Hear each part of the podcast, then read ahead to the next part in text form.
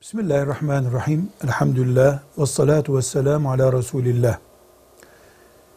Erkek ve kadın Allah'ın şeriatına göre nikahlandıklarında ya erkek boşar ve nikah biter ya da kadın erkeğe kendisini boşaması karşılığında teklifte bulunur, erkek de kabul eder, biter ya da muteber bir mahkeme o nikahı belli sakıncalardan dolayı bozar, fesheder.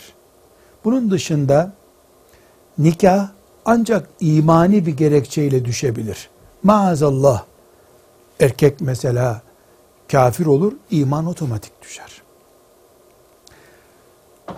Erkek ve kadının uzun sürede olsa, yıllarca da olsa fiziksel noktada ayrı kalmaları nikahı düşürmez. Açık rakamlarla konuşacak olursak, evlendikten ve bir araya geldikten, hatta çocukları olduktan sonra veya daha önce nikahtan herhangi bir zamandan sonra 10 sene erkek ve kadın bir araya gelmeseler, erkek bir ülkede, kadın başka bir ülkede yaşasa, 10 yıl bile sürse bu, 20 yıl bile sürse, 30 yıl bile sürse nikah düşmez.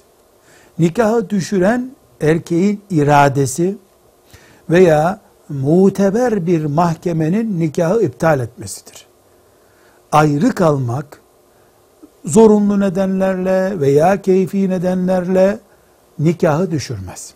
Mesela bayan küsüyor. Babasının evine gidiyor. Üç ay orada kalıyor. Beş ay orada kalıyor. Sonra da siniri geçiyor. Tamam barışalım, anlaşalım diyor. Geri geliyor. Bir sakınca var mı bunda? Bu arada erkek nikahı düşürecek yani talak gerçekleştirecek bir söz sarf etmediyse avukata dilekçe verip benim evime gelmeyen kadını boşuyorum diye bir dilekçeye imza atmadıysa bir sıkıntı yoktur. Geri gelebilir. Erkek boşamakla ilgili bir tavır kullanmadığı sürece mahkeme muteber bir mahkeme sizin nikahınız muteber değildir iptal ettim demediği sürece veya kadın hulu dediğimiz boşanmayı erkekten isteme hakkını kullanmadığı sürece yıllarca ayrı kalınsa elleri ellerine değmese bile nikah iptal olmaz. Bu doğru bir şey midir? Elbette doğru bir şey değildir. Nikahın düşmesi başka bir şey, kaliteli bir nikahı sürdürmek başka bir şey. Velhamdülillahi Rabbil Alemin.